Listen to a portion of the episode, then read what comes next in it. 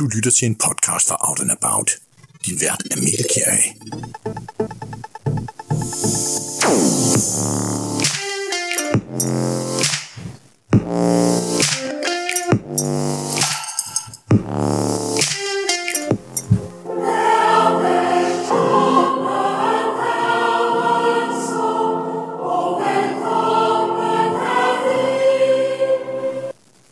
Godt nytår. Velkommen til Out and About 6, en kvartalspodcast om sex, fitness og livsstil. Dagens tema omhandler kæmp sex. Kæmp sex er især udbredt blandt mænd, der har sex med mænd, og i dagens podcast har vi et interview med AIDS-fondet, som netop har udgivet en ny rapport om kæmp sex. Derudover har vi også et interview med Nikolaj Tange Lange, som er en flittig bruger af euforiserende stoffer i forbindelse med sex. Apropos Kæmp Sex, Bjørn, så har du også flittigt udgivet artikler om dagens tema Kæmp Sex på outlandabout.dk. Og så har du udgivet en roman, som også omhandler dagens tema. Bjørn, vil du ikke prøve at tage lytterne med på den rejse øh, ind i romanens univers, uden at øh, afsløre for meget? Jo, tak. Tak Mikkel, og øhm, til alle lytterne derude, rigtig godt nytår. Og øhm, jamen, det kan, jeg kan sige, det er, at jeg her i november udgav en øhm, roman, der hedder Mangel på beskyttelse og prinsesser, som tager udgangspunkt i det at, øhm, at falde i øhm, stoffernes øhm, varetægt, må man sige. Altså det, det handler om en overklasse øh, miljø, hvor at øhm, øh, hovedpersonen får et stofmisbrug på grund af, at han, han bliver ledet ind i det via sin kæreste. De har så en masse uhemmet sex, og, og der i også øh, øh kimsex. Fordi jeg skrev bogen var øh, for at øh, belyse et emne, som der ikke findes særlig meget litteratur øh, om på dansk. Og det er et tema, som jeg gentagende gange over de seneste år øh, har stødt mere og mere på, også som seksolog med de klienter, som jeg har haft inden, at de har fortalt, fortalt mig om deres misbrug, og de har fortalt mig om deres, øh, hvordan de har, både har ville ud af misbruget, men også hvad, hvad det egentlig gør ved, ved dem seksuelt på, på den lange bane. Eftersom at der ikke har været skrevet noget skønlitterært øh, omkring chemsex og stofmisbrug inden for homomiljøet, så tænker jeg, at det var da meget interessant øh, tema at tage op som en bøsse roman. Øh, romanen tager udgangspunkt i det homoseksuelle miljø, altså mænd, der har sex med mænd også, men det kunne lige så vel have, nok have været skrevet til de heteroseksuelle, eftersom der også er mange heteroseksuelle øh, par og, og singler derude, som øh, dyrker chemsex. Det, det interessante for mig er bare at tage udgangspunkt i mænd, der har sex med mænd, eftersom at det er der, jeg er også seksologen. Så det er lidt udgangspunktet for, hvorfor jeg har egentlig øh, valgt at skrive den her bog, øh, Mangel på beskyttelse af prinsesser. Det lyder godt. Øh, kan du nævne lidt omkring, øh, hvordan du er, er, har researchet til den her historie? Selve grundideen til bogen, den opstod faktisk i 2004 øh, og tog udgangspunkt i alkohol og og det at øh, unge mennesker drak alt for meget øl og, og spiritus, øh, så har den ligget på, på hylden i nogle år, og øhm, da jeg tog den op igen, så var det der øh, begreb chemsex begyndt at vokse op øh, og blive mere og mere udbredt, også her i, i København især. Der var ikke så mange, der, der vidste så meget om det, så jeg begyndte at researche rigtig meget på, hvem er det, der tager øh, de her stoffer, og hvad er det, de tager? Og det kommer vi jo så ind på senere i den her podcast så det vil jeg ikke nævne så meget om lige nu, men, men jeg synes, det var mere interessant at skrive ud fra et stofmisbrug med de hårde euforerende stoffer frem for, for alkoholen, og det var det lidt derfor, at, øhm, at det, det fik den indgangsvinkel ind i, i det her univers. Du lytter til en podcast fra Out and About. Din vært er Mikkel Kjær.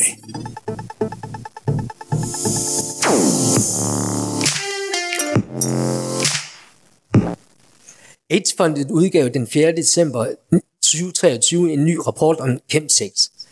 M4M Research har spurgt 2.519 deltagere om de anvender euforiserende rusmidler for at fremme sexlysten.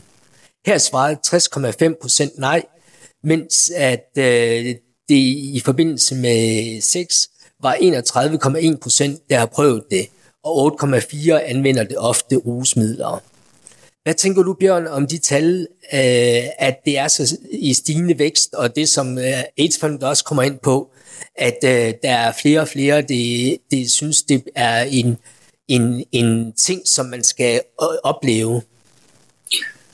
Det kommer ikke bag på mig for det første, at tallene er, er øh, omkring de der 8 procent. Øh, stoffer i, øh, i dag er blevet meget nemme tilgængelige. De er blevet nemme at få fat i. Det, de kan stort set erhverves på alle de sociale medier, øh, Grinder og de seks sociale øh, apps, som vi har. Øh, de, det, øh, det er blevet billigt at få fat i, og, og tendensen er også blevet mere sådan legalt i gåseøjne at, at få øh, øh, at bruge, når man har sex sammen med andre. Mange har man, mange bruger poppers i forvejen og Viagra, og så hvorfor ikke også blande noget, nogle af de hårde stoffer ind i det? Synes tendensen at, øh, at være blandt de her mennesker, der bruger, øh, bruger stofferne.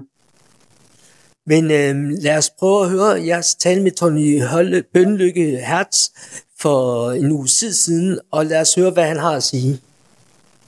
Jeg er glad for at kunne byde velkommen til Tony Bønlykke Hertz, som er senior psykosocial rådgiver hos AIDS-fondet. Velkommen til. Tak skal du have. Tony, vil du starte med at introducere lytterne, hvad jeres rapport indeholder om chipsex, og øh, kan du fortælle om, hvorfor I overhovedet har begivet jer ud i den her undersøgelse? Ja, hvis jeg skal starte bagom, altså grunden til, at vi overhovedet beskæftiger os med chemsex, er, fordi vi ser jo, at folk, når man er påvirket af stoffer, øh, har en tendens til måske ikke at være så god til at passe på sig selv. Man glemmer måske lidt de regler, man har lavet for sig selv om, hvordan man vil have, øh, hvad for en form for sex man vil have.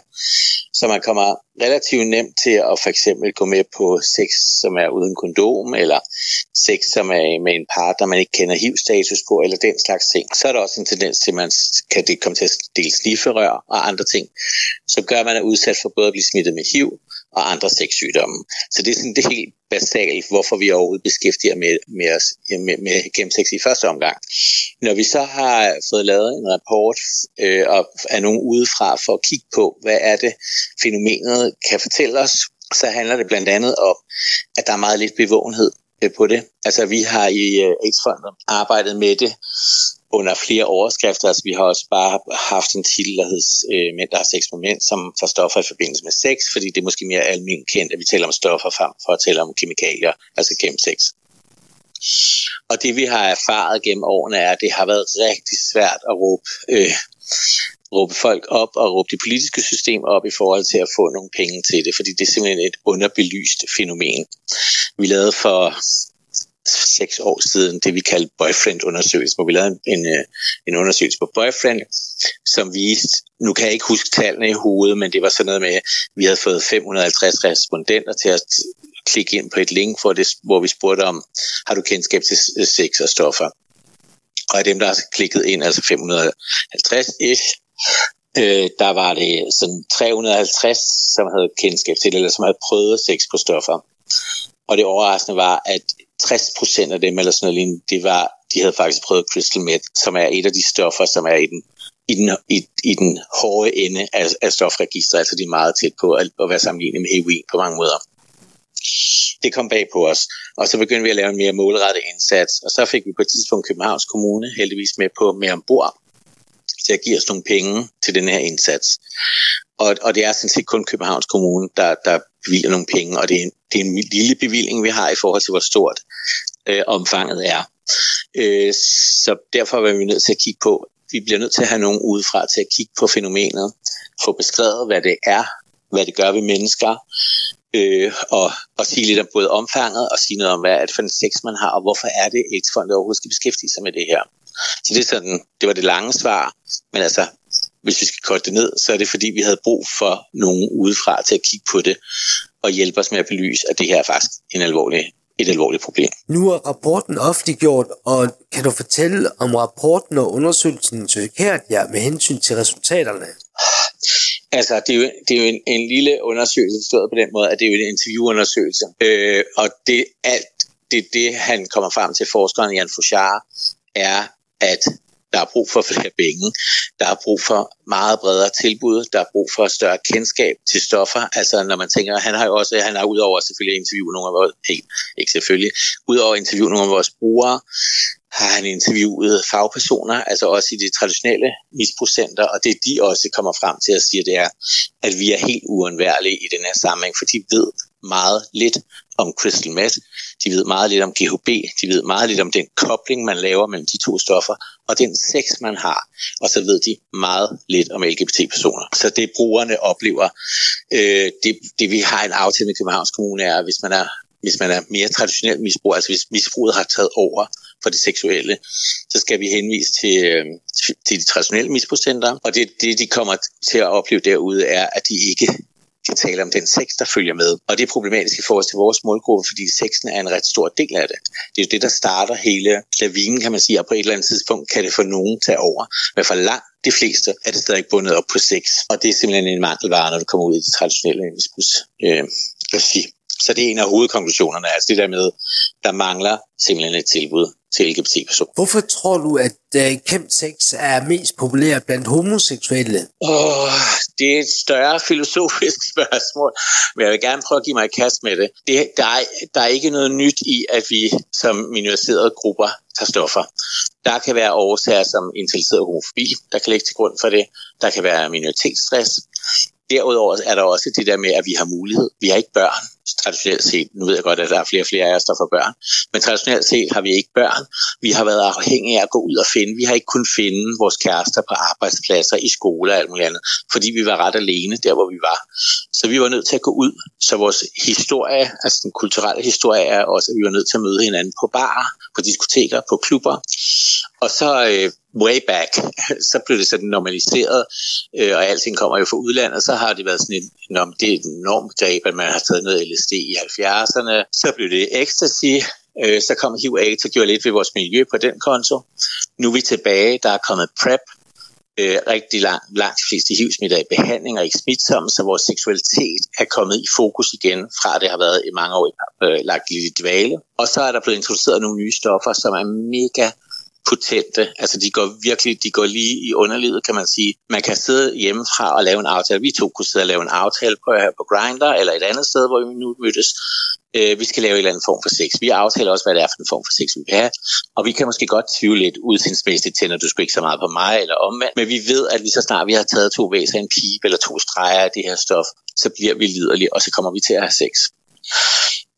Så det er en lang historie, men det der med, at jeg tror, at det taler ind i et miljø, som også er ret seksualiseret. Øh, og det har været sådan en tradition, fordi vi ikke har kunnet finde, så vi har øh, mænd, der har sex med mænd, og typisk også kunne møde hinanden på toiletter. Så det har været det seksuelle, vi har mødtes så. og den del af kulturen trækker stadigvæk trådet op i der, hvor vi lever i dag.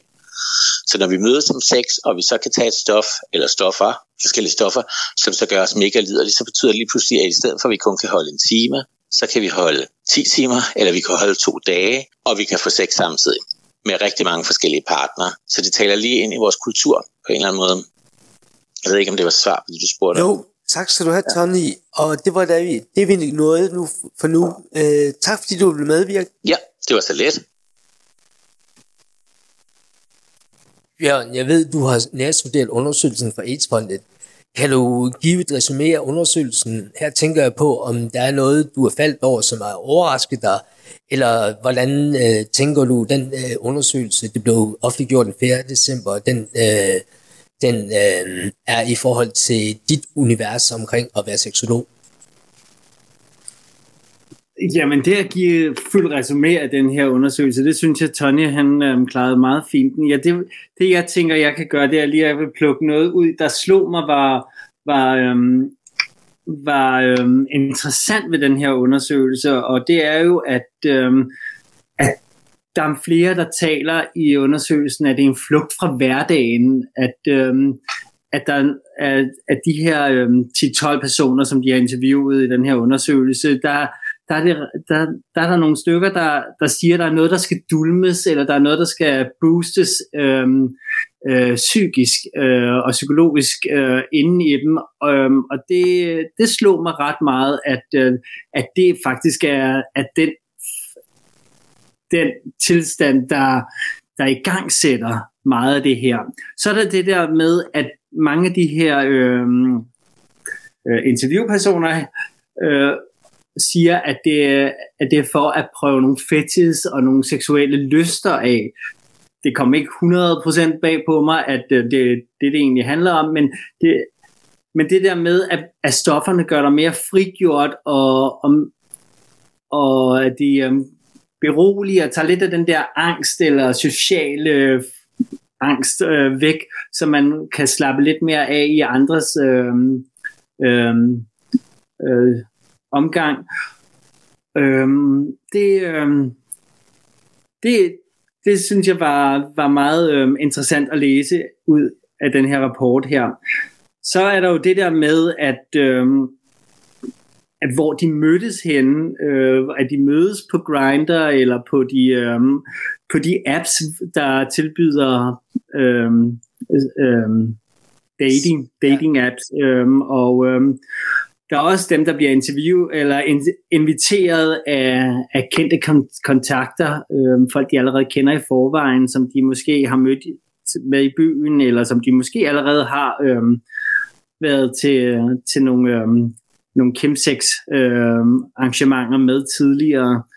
Så for mig var det en øh, både en op, øh, en bekræftelse af, af det, jeg allerede ved øh, og, og har, øh, øh, har mødt i mit virke som seksolog, men det var også en, en, øh, en øjenåbner for, at det er mere udbredt og mere, øh, hvad skal man sige, mere, øh, øh, ja, mere udbredt og mere øh, voksende øh, et fænomen, end jeg havde troet på. Og, så, så det var det, det er ret skræmmende læsning, som øh, øh, AIDS-fondet her, det, der skal op med.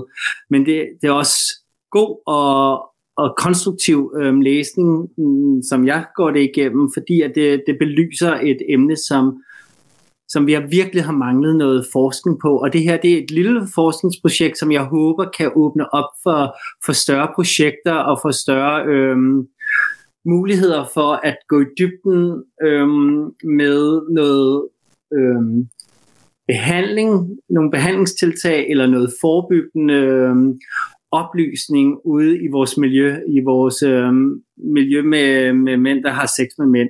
For det, det mangler der. Bjørn, øh, jeg kunne ikke rigtig finde noget research på, øh, er det et storbysfænomen? Øh, fordi nu, øh, hvad hedder det, AIDS-fondets øh, undersøgelse, den er primært lavet i hovedstadsområdet og blevet støttet af, af Københavns Kommune, og øh, når det er sådan, at øh, man øh, øh hører interviews og sådan noget, så øh, er det meget koncentreret omkring København. Hvordan så det ser ud i Jylland?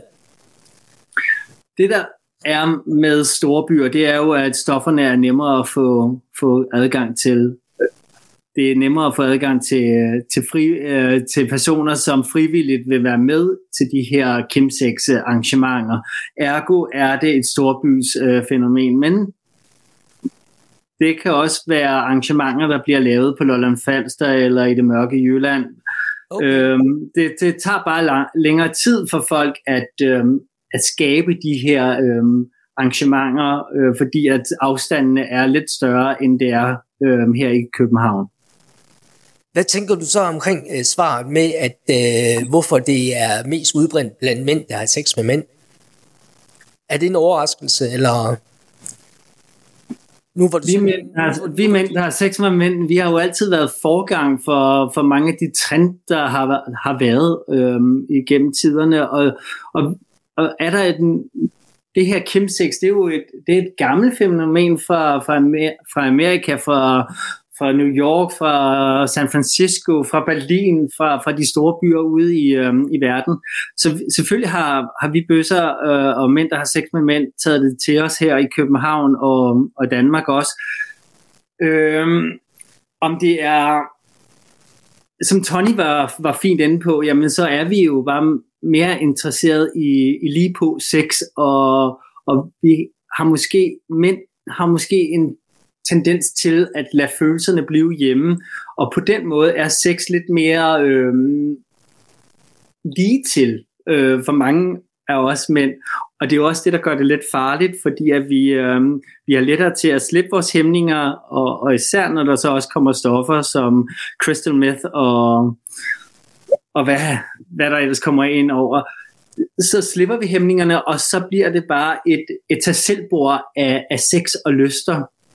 Nu, øh... Men jeg vil også lige understrege, at fænomenet chemsex også er i den heteroseksuelle verden. Det er måske ikke så udbredt, men vi ser stadigvæk flere og flere heteroseksuelle, der både begynder at uh, dyrke sex med stoffer. Altså både mænd og kvinder, det tager det, eller hvad tænker du?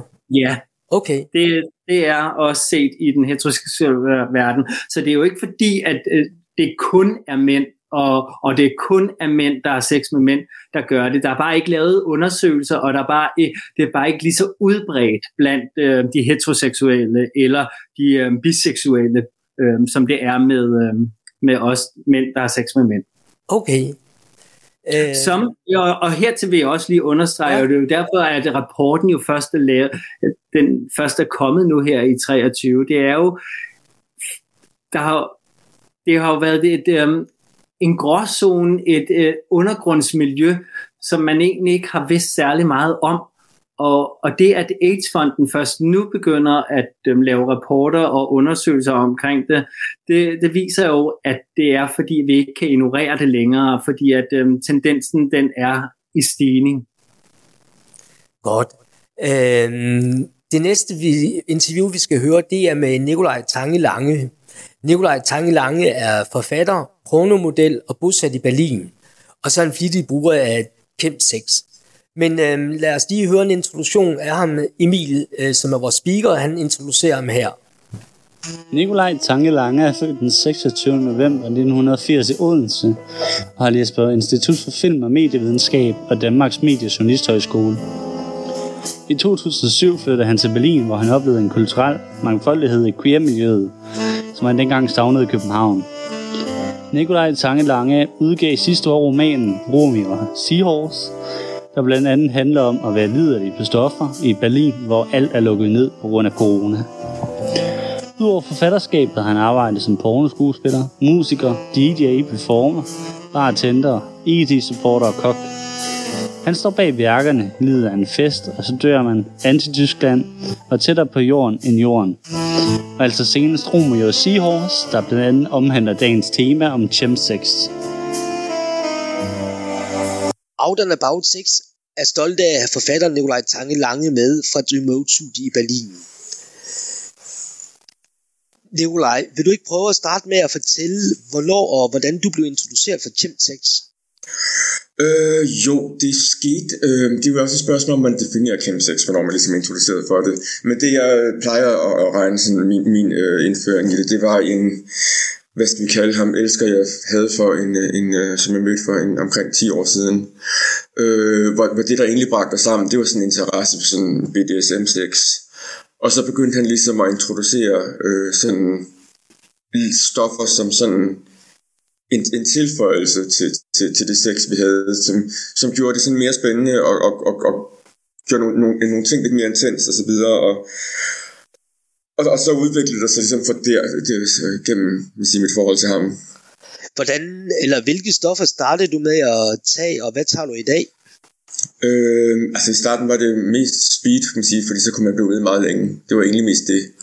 Øh, og så Ja, øh, og det var også sådan, i starten var det kan sige, måske også lidt en forlængelse af, det var, det var også det med, altså, at i starten var det meget en forlængelse af, at man jo også, at det også tog stoffer, når man skulle ud og feste og så videre. Øh, og så begyndte det at brede sig ind i en sexliv også. Men, men så begyndte der at ske sådan en, en, en, en, en særlig sammenkodning, eller sådan en, en det på en måde sådan blev hardwired sammen, at, at stoffer og sex i hvert fald en bestemt form kom til at høre sammen.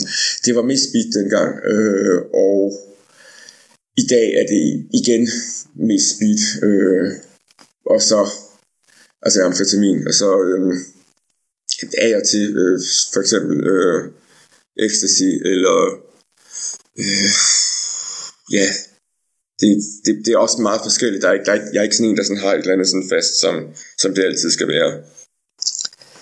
Jeg tænker på, hvordan påvirker euforiserende stoffer din oplevelse af intimitet og seksualitet under øh, den sex? Øh, det er et godt og interessant spørgsmål. Uh, fordi at nogen, altså der, der er du altid individuelt, øh, hvordan man oplever det. Nogen snakker meget om chemsex, som sådan bare, at det handler om noget fysisk. Øh, jeg har altid haft den der oplevelse af, at det, der tiltrak mig ved det, var også, at man kunne have en eller anden sådan helt vanvittig øh, oplevelse af intimitet med et menneske, man måske først lige har mødt, og måske faktisk heller ikke har særlig meget til fælles med, synes man bagefter. Øhm, og så er der nogen, der ligesom siger, at den her oplevelse, det er jo så det er jo kunstigt det hele. Det er jo bare kunstigt skaffet, og det, og det er kun på grund af stofferne. Og det har de jo så på sin vis en pointe i. Øh, men jeg har så også snakket med en øh, somatisk terapeut, som så netop sagde, at, at det der så gør, at man har den her vilde, intime, intime oplevelse med en, en vild fremmed, som man måske ellers ikke ville have særlig meget til fælles. Men det handler også om, at stofferne gør, at alle ens hæmninger ligesom bliver skrællet væk. Øh, og alle ens sådan, forbehold og så videre, sådan helt skrællet væk, som man normalt har. Øh, og på den måde så siger han, at man kan jo egentlig sige, det er jo ikke, at det jo, bliver, bliver det jo ikke i sig selv kunstigt af. Problemet er bare, at man har den her sådan ene enkeltstående oplevelse af noget vildt og intimt, som man så ikke rigtig kan bruge til noget bagefter. Og det er ligesom, at sige, det har for meget været sådan både det, der drager, og også det, der ligesom gør, at det på en eller anden måde sådan, nogle gange bliver sådan lidt øh, en, en, en dead end at, øh, at, at der er et eller andet fedt eller smukt ved nærmest det her ved, at man ligesom kan springe hen over alle hæmninger og, og, og forbehold og, og have den her sådan virkelig intime oplevelse med en vild fremmed. Men, men problemet er så også, at det bliver enormt let at finde de her oplevelser. Og, og det gør så også, at, at, at, at man, man, altså man har de oplevelser, men, men de kan de, ligesom, de, ligesom, det er ligesom sådan en, står helt for sig selv og kan ikke bruges til noget bagefter andet. Det er sådan en oplevelse, man havde. Og når man så leder efter intimitet igen, jamen så bliver det forfriskende at tage den her lette vej. Øh, jeg hørte en, en, en utrolig fin øh, metafor for chemsex, og den, ligesom, hvordan sådan en afhængighed opbygges. Det er det her med, at de sammenligner med at tage en bobslæde ned af et bjerg. Og, øh, og første gang man tager en bobsled ned ad bjerg, så kan man gå hvilken som helst vej det skal være. Øh, det kan man også anden og tredje gang, men jo flere gange man har kørt ned det her bjerg i sin bobsled, så bliver det ligesom sandsynligt, der er en eller anden sådan rute, der begynder at tegne sig, som, hvor sneen ligesom blevet trådt ned, og, og det bliver bare den nemmeste vej, og man ved, at hvis jeg kører den vej, så kører det bare derud af helt problemfrit og hurtigt. Jeg vil også sagtens kunne vælge at, at, at, at ligesom begive mig ned ad en ny vej, øh, men, men så kræver det en helt anden form for arbejde. Og, og det er ligesom den der rute, der tegner sig ned, det er den der kæmpe sex, hvor man ved, at her, der bliver det sjovt, og det bliver, øh, og det bliver sådan, og det kommer til at køre derudad. I hvert fald i, i lang tid. Kan du prøve at beskrive oplevelsen, følelsen af at være på ecstasy og så dyrke sex? Uh. Jamen, det er jo igen individuelt, kan man sige. Der, for mange handler det meget om en fysisk ting. Øh, altså for mig handler det, har, har det mest handlet om den her følelse af, at, at man ligesom har kunnet skralde alle forbehold væk på en eller anden måde. Øh, og på den måde kan man sige, der har også været sådan, altså at, at, at som jeg snakkede med terapeuten der om, at, at, øh, men at, at der mangler ligesom så kommer ud i et eller andet vildt misbrug, hvor at øh, de er gennem, nødt til at gå igennem den, sådan den store øh, øh, afvænding for at komme ud på den anden side, men at man også godt kan se det som, at man faktisk godt kan have nogle oplevelser med det, som kan være fede og positive, og måske kan rykke ved nogle øh, hæmninger og noget skam osv., som man måske faktisk godt kan tage med sig øh, og, og bruge øh, bagefter i ædru-tilstand. Øh, ja, AIDS-fondet skriver i deres nyeste rapport, at flere chemsex-brugere af blandt andet stoffet G, øh, det øh, bliver bevidst øh, brugt til at dope deltagerne til arrangementerne, og så bliver de bevidstløse, og brugerne siger så, at de finder det frækt, når de efterfølgende ser fotoer og videoer af, at de bliver misbrugt. Er det noget, mm. du kan genkende til fra miljøet? Øh, ja, uh, det er et stort og kæmpe emne, som vi sagtens skulle snakke en hel time om.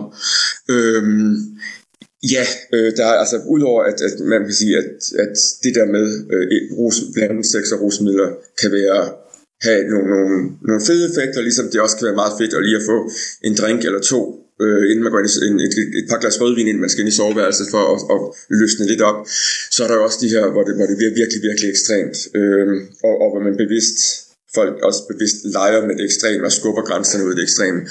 Øhm, og jeg har da lige været til en, en, en workshop, hvor der blev snakket sådan, om nogle, nogle ting, som jeg også synes var sådan triggede mig lidt, det der med, hvor man sådan bevidst øh, også, altså, øh, hvor, hvor den ene siger til den anden, øh, tag den her overdosis GHB, så du besvimer, så jeg kan voldtage dig, for eksempel. Mm. Øh, og hvor at, at det at, at, at, at, at få en overdosis øh, til en, en, en, en gruppe 6 session ligesom bare er det normale. Øh, altså, eller, eller er normaliseret i en eller anden grad. Øh, og det kan være sådan vildt triggering for folk, der ikke, øh, ikke ved, hvad der foregår. Og, og, og, og, og ja, der er også nogle ting, som jeg ikke helt forstår. Øh, men, men jeg oplever omvendt sig samtidig med at snakke med de her mennesker. Det er ikke fordi, at man ikke øh, har, altså, man går på en eller anden måde sådan med åbne øjne ind til det her, og ved, at det ligesom er en del af præmissen. Øh, samtidig med, at der så stadigvæk også, altså jeg har også været ude for, at der er en, der øh, gav mig øh, en, en dobbelt dosis GHB, og så var jeg væk i 8 timer, og det gjorde meget ondt over det hele, da jeg vågnede op igen. Øh, og, og det var bestemt ikke noget, jeg var indforstået med, skulle ske. Mm. Øh har, har du planer om at ændre din praksis med hensyn til sex, eller hvor lang tid vil du blive ved? altså, jeg øh, er nu der på et sted, hvor jeg synes, at jeg, altså jeg øh, gennem noget tid har trappet ned Øh, fordi jeg synes, de, at de der hangovers, det bliver bare længere og længere, og øh, det bliver hårdere over for kroppen. sådan er det, når man, når man bliver ældre. Øh, jeg har været sådan lidt i sådan en, hvor jeg, hvor jeg synes, at... Øh, mit, mit, at jeg nåede sådan, hvor, synes jeg kom så langt jeg kunne med ligesom at, at, at prøve at sige, nu skal du stoppe, og nu skal du skære ned, nu skal du begrænse.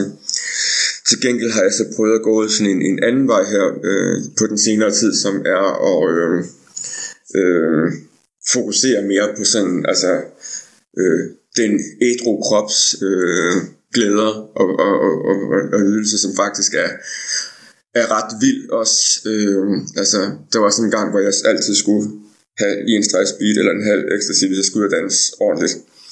Øh, den senere tid har jeg været ude og danse ret meget ædru, og man glemmer sådan lidt, hvor, hvor vild kroppen er, når den først sådan kommer i selvsving. Øh, og, og den der måde, man sådan, at det faktisk kan være ret vildt at mærke alting. Øh, sådan helt ædru. Øh, der, ja. ja, nej, det, det, det kan også overføres på sex i hvert fald. Ja.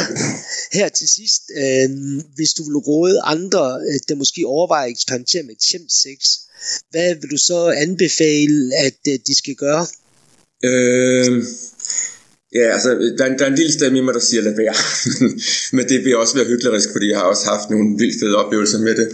Øh, og, og, og synes, så man, man skal, skal, skal, skal huske at holde fast i, øh, at det ikke skal tage over. At det, det skal være et positivt valg, og at man ikke skal komme hen, hvor det ligesom bliver et, øh, den eneste måde, man kan nyde sex på. Øh,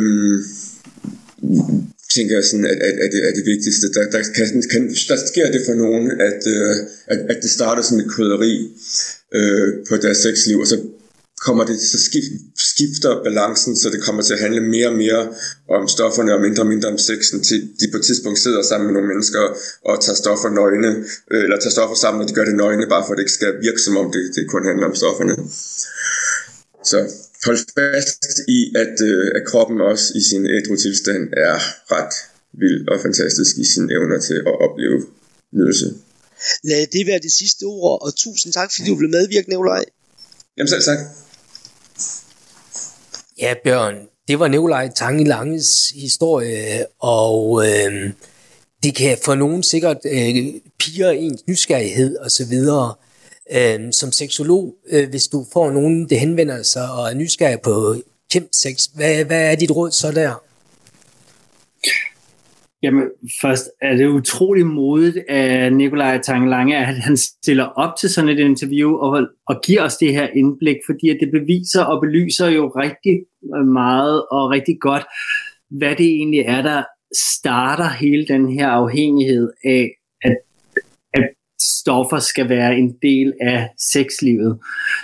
Øhm, jeg er også rigtig øhm, glad for at høre, at øhm, han nu også får nogle gode oplevelser ved at øhm, have sex og kunne tage ud og danse uden stoffer, og det, øh, det er lidt lyspunktet i det her, som måske rigtig mange, når de først er fanget i en afhængighed, ikke kommer til at opleve igen. Øh, den her glæde ved at opleve sex, og bare det at, at leve, øh, når stofferne først har været en del af ens liv. Så derfor er det utrolig positivt, og jeg bliver så glad, når jeg hører Nikolaj fortælle om de her lyspunkter, der er.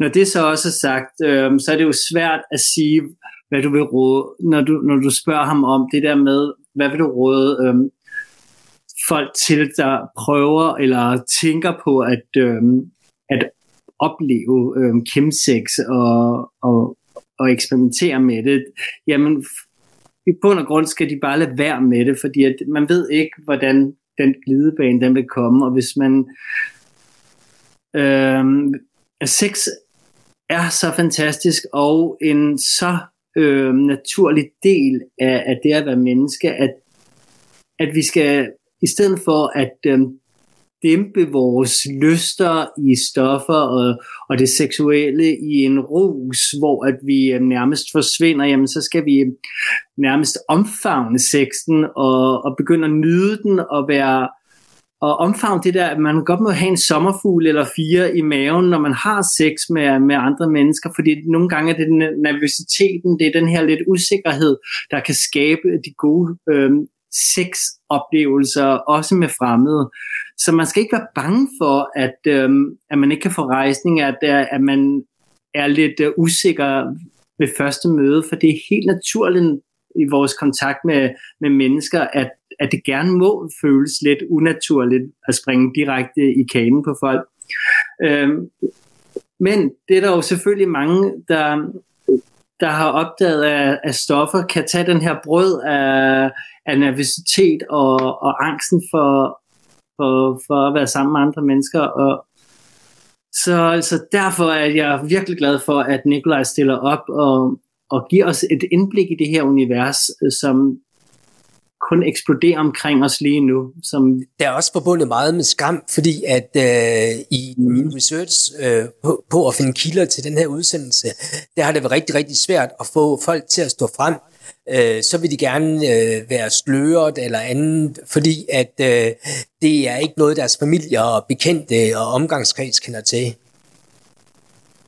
Ja, der er rigtig meget skam med det, at, øh, at øh, bruge kæmpsex og i det hele taget homoseksualitet øh, kan mange opleve skamfuldt, og, og hvis du ikke er sprunget ud, og hvis du ikke har øh, hvis du ikke selv har accepteret det, at du er homoseksuel, øh, og tænder på, på mænd, eller har en fetis, hvor at øh, du måske føler, det er skamfuldt at slikke røv, eller blive kaldt luder, eller øh, gjort alle mulige ting ved, jamen så, så er stofferne måske en vej til at at lose, øh, løsne sig selv lidt op og, og kaste sig ind i den her, det her seksuelle øh, fetis-univers også.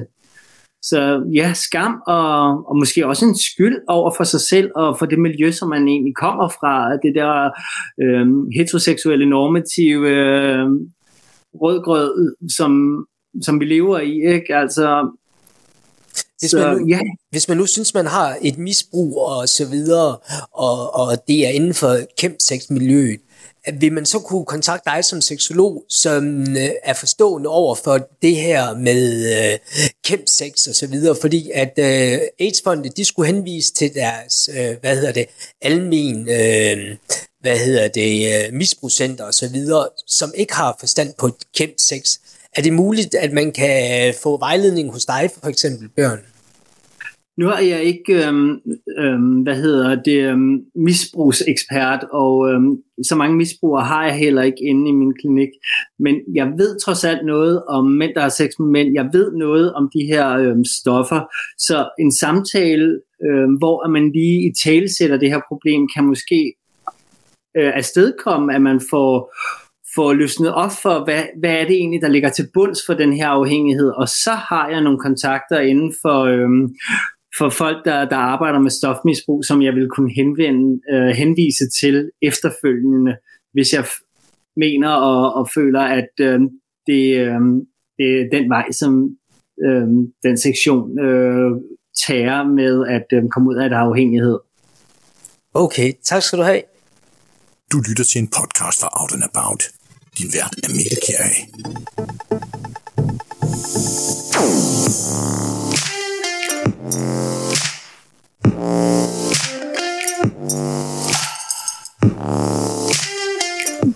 Så er vi nået til anden afdeling, hvor du som lytter kan stille spørgsmål til Bjørn Dotsauer. Spørgsmål om alt omkring øh, mænds seksualitet og øh, mænd, der har sex med mænd. Hvis du har spørgsmål, kan du sende os en mail til podcast eller ringe 69 69 14 14 og tryk 1 for at lægge en besked. Hvis du er klar, Bjørn, så lad os få det første spørgsmål. Emil, værsgo. Hej Bjørn.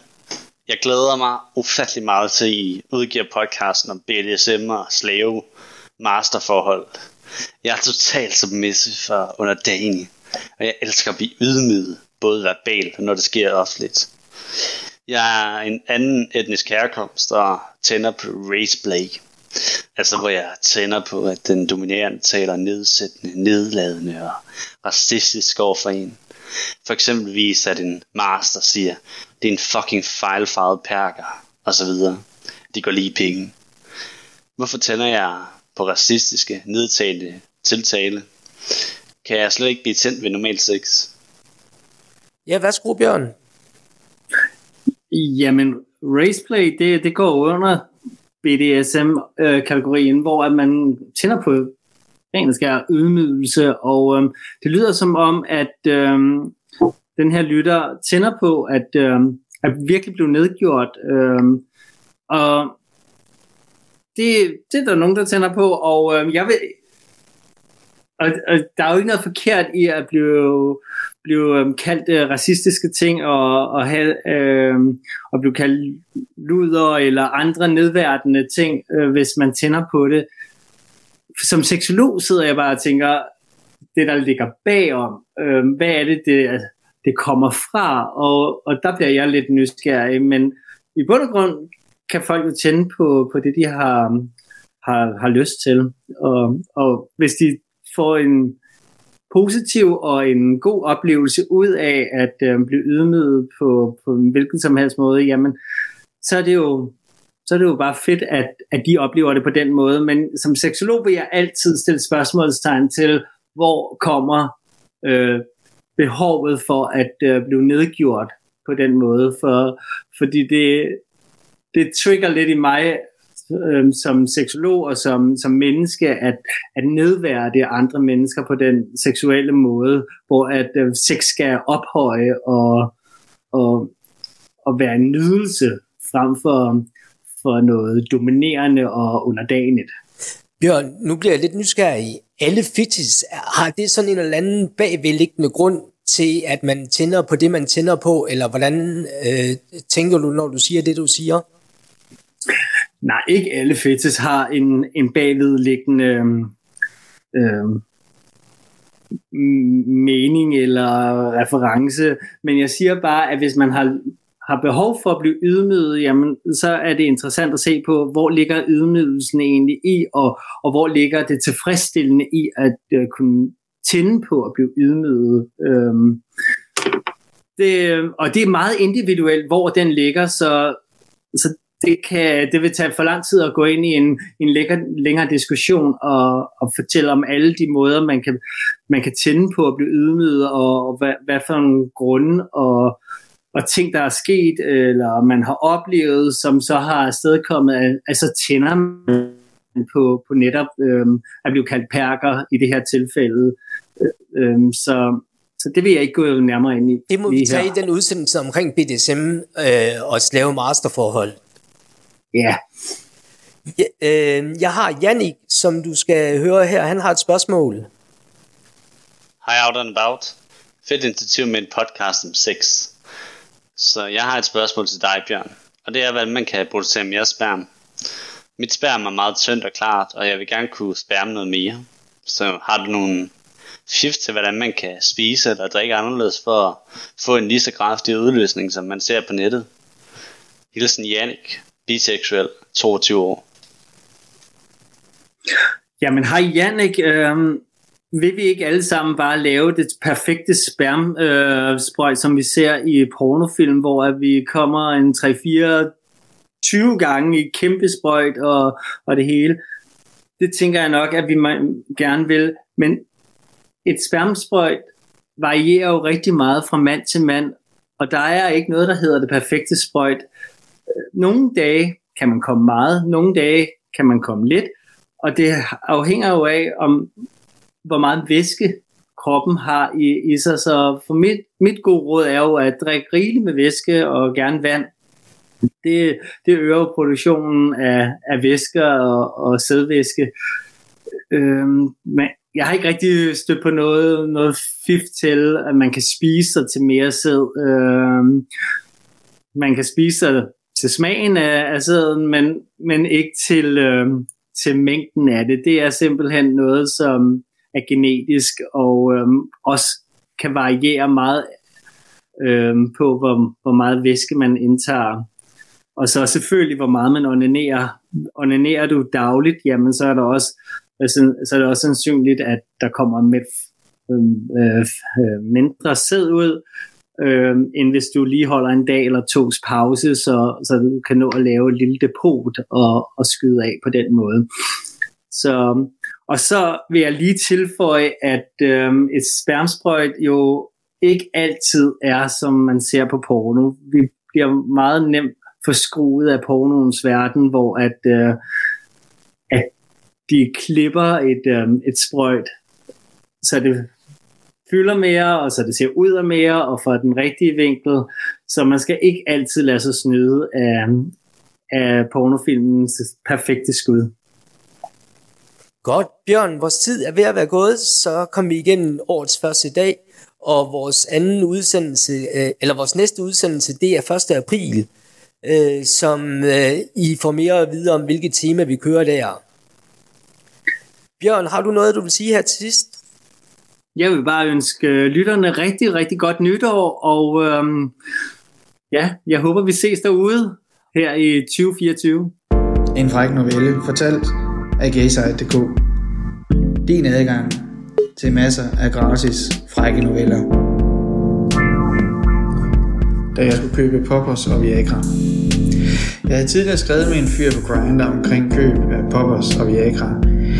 Ikke fordi jeg som sådan behøver Viagra, men jeg vil gerne prøve det, og jeg havde en fantasi om at have stiv pik længe, uden at kunne gøre noget ved det. Desværre kom der ikke noget videre ud af vores kontakt i første omgang. Jeg bor ikke i København, men besøger ofte byen i forbindelse med arbejde. Jeg var kommet til mit hotel i god tid. Jeg fik taget et godt langt bad og gjort mig klar til lidt af hvert. Jeg tog efter ind til byen. Jeg havde en kokring på, som føltes så frægt. Jeg havde videre et sæt tøj med en neopren, vest og jockstrap med gul kant. Jeg håbede på noget fræk skulle ske. Jeg fik lidt at spise, hvor jeg gik på jailhouse. Jeg skrev med en del forskellige, uden det store held, desværre. Jeg så ikke nogen, der havde lyst til at misbruge mig, som den perverse person, jeg i virkeligheden er. Jeg skrev med et par stykker, men ikke nogen, som rigtig havde lyst til at bruge mig. Så skrev ham fyren for tidligere, ham som ville sælge poppers og Viagra. Han spurgte, om jeg stadig var interesseret i at købe, hvilket jeg var. Vi skrev lidt frem og tilbage omkring mængde og pris. Vi blev enige om, at jeg skulle komme ud til ham. Han boede sammen med sin kæreste. De kunne godt bruge sådan en som mig, skrev han. Jeg valgte at tage en taxa, eftersom han boede lidt fra, hvor jeg var. Han bad mig møde i kun mit neoprensæt. Jeg skiftede hans opgang. Da jeg kom op til hans lejlighed, bankede jeg på. Døren blev hurtigt åbent, og jeg blev lukket ind. Jeg blev ind i stuen. Hans kæreste lå på sofaen. Ham jeg har skrevet med, gik ud i køkkenet efter en øl. Ham på sofaen hævde sin pik frem og legede med den. Han bad mig sutte dem. Det skulle han ikke bede mig om to gange. Jeg suttede alt, hvad jeg havde lært. Det virkede, som om han nød det. Jeg kunne høre det banke på døren. Jeg koncentrerede mig ikke så meget om det.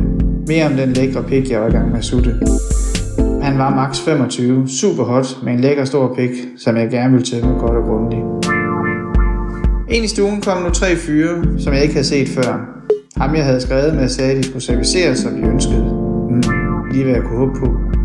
Jeg suttede videre noget tid endnu. En fyr kom hen til mig, smurte mit hul godt ind og stak her sin pik op i mig. Det var mere end jeg, end ham jeg suttede kunne klare. Han tømte sine safter i mig. Seks fantastiske sprøj. Ham på sofaen flyttede sig, så en ny kom til. Han tog hårdt ved mit hoved og førte det ned til hans underbukser. Han bad mig slikke dem. Der var en dejlig smag af sved, gammel sperm og lidt smag af urin. Efter at have slikket hans underbukser så godt jeg kunne, trak han dem ned, og hans store pik nok 20 cm tittede frem. Jeg tog den i munden. Han tog et hårdt tag af min nakke, og munden knippede mig hårdt. Ham fyren, som knippede min røv, satte hastigheden op. Han knippede helt vildt. Det var næsten mere, end jeg kunne klare. Efter lidt kunne jeg mærke hans pik udvide sig, og derefter den varme følelse af hans spærm op i mig. Efter han havde tømt sin saft og i mig, trak han sig ud. Jeg suttede stadig pik alt, hvad jeg kunne. Ham jeg suttede på, trak ud af min mund. Han tog et resolut tag i min kæbe og sendte en stor spytklat i min mund. Herefter var det tilbage til hans pik og suttede. Der kom nu en anden op ved siden af ham, jeg suttede, som også gerne ville bruge min mund. Ham jeg sutter sagde mig videre til den nye, der mødte op. Han sidder allerede med sin pik klar. Han virker ikke meget ældre end 20 år. Jeg sutter løs. Ham jeg suttede tidligere går om bag ved mig og tvang sin pik op i mig med et voldsomt stød. Det gav et ryg i mig. Jeg kunne mærke smerten hele vejen igennem kroppen. Smerten fortog sig dog, imens han fandt en fast rytme at knippe mig i. Den unge fyr, jeg suttede, kom pludselig i min mund. Han brølede løs, mens han sendte sin lækre store ladning ned i halsen på mig. Jeg var ikke forberedt på, at han kom så hurtigt, så jeg var ved at kvæles i det. Det fik ham, der knippede mig til at sætte farten op, og snart kom han op i mig i store sprøg. Mit hul var efterhånden godt udvidet og rigtig vådt efter nu to ladninger. Ham, der boede i huset, tog med ud i badeværelset. Her placerede han mig i brusenisten og bad mig blive der og tage imod, hvad der måtte komme. Det varede ikke længe før den første fyr dukkede op. Det var den sidste, jeg havde suttet på. Han stillede sig foran mig og begyndte efter lidt at tisse ud over mig. Hans varme, gyldne dråbe ramte mig først i håret, så ned over ansigtet og resten af kroppen. Han rettede igen strålen op mod mit ansigt. Jeg åbnede munden og smagte på dråberne. Han smagte virkelig godt. Efter lidt tid stoppede strømmen, og han forlod igen badeværelset. Jeg sad og ventede. Måske 10 minutter, måske 20, da jeg mistede tidsfornemmelsen. Efter lidt tid kom endnu en fyr ud på badeværelset. Denne gang ham, som jeg både havde suttet og som havde knippet mig. Han stod foran mig, bad mig åbne munden. Han samlede en ordentlig spytklat, som han fyrede afsted ned i min mund, og bad mig sluge. Det var noget slimet. Han tog nu sin pik frem og rettede det mod min mund. Så fyldte han min mund med sit pis. Jeg kunne smage det under tid siden han er pisset sidst. Jeg slugte ikke den første mundfuld. Det fik ham til at give mig en hård lussing. Han bad mig sluge hans pis, ikke spilde det. Jeg åbnede munden og forsøgte at drikke hans pis, så godt jeg havde lært. Da jeg var færdig, spurgte han mig igen i munden. Han bad mig slikke hans pik ren. Jeg kunne smage mine egne røvsafter på hans pik. Han sluttede af med at kalde mig et pervers slavesvin. Det varede ikke længe, før ham, der boede i lejlighedens kæreste, mødte op. Han pissede med det samme ud over mig. Jeg drak en del af det. Da han var færdig, bad han mig skylle mig over og komme ind i stuen igen. Jeg skyndte mig at tage mit neotrentøj af, skylle mig over og gå ind i stuen. Ham, der havde lejligheden, bad mig sætte mig på hans seng på alle fire. Det gjorde jeg naturligvis. Han gav mig en bøtte med poppers, som han bad mig snuse rigtig godt til. Jeg gjorde, som jeg ville bede om, og jeg kunne mærke, at mit hul blev smurt godt ind. Snart kunne jeg mærke noget stort komme op i mig, og jeg fandt hurtigt ud af, at det var en meget stor dildo. Den blev lige så stille ført hele vejen op. Jeg tænker i hvert fald 30 cm længden. Jeg troede ikke, det var muligt. Jeg vred mig af smerte. De blev ved med at føre den store dildo op. Langsomt ventede jeg mig til smerten. Det begyndte at blive ret fedt. En fantastisk følelse. De grinede en del af mig og talte om, hvilken lud jeg var. Jeg var ligeglad. Jeg nød behandlingen. Efter noget tid trak de dildoen helt ud. Ham, der havde lejligheden, pressede sin stivpik op i mig og knippede mig rigtig godt. Han var ret velhostet. Til sidst kom han. Han var virkelig fræk. Han bad mig give ham 800 kroner for Viagra og Poppers. Han fik pengene og gav mig en bytte en pose. Herefter blev jeg smidt udenfor. Han sagde, at de ikke længere havde brug for en pervers luder. Jeg tog mit tøj på, ganske ør i hovedet. Og da jeg kom ud på gaden, prægede jeg en taxa. Det var en virkelig speciel, men fed oplevelse. Da jeg kom på et hotel, skulle jeg prøve Viagra. Jeg tog en. Sad og summede lidt over det hele, hvad der var sket. Det varede ikke længe, før jeg var totalt stiv. En super fed oplevelse, som jeg håber kommer til at ske igen. En fræk novelle, fortalt af gaysite.dk. Din adgang til masser af gratis frække noveller.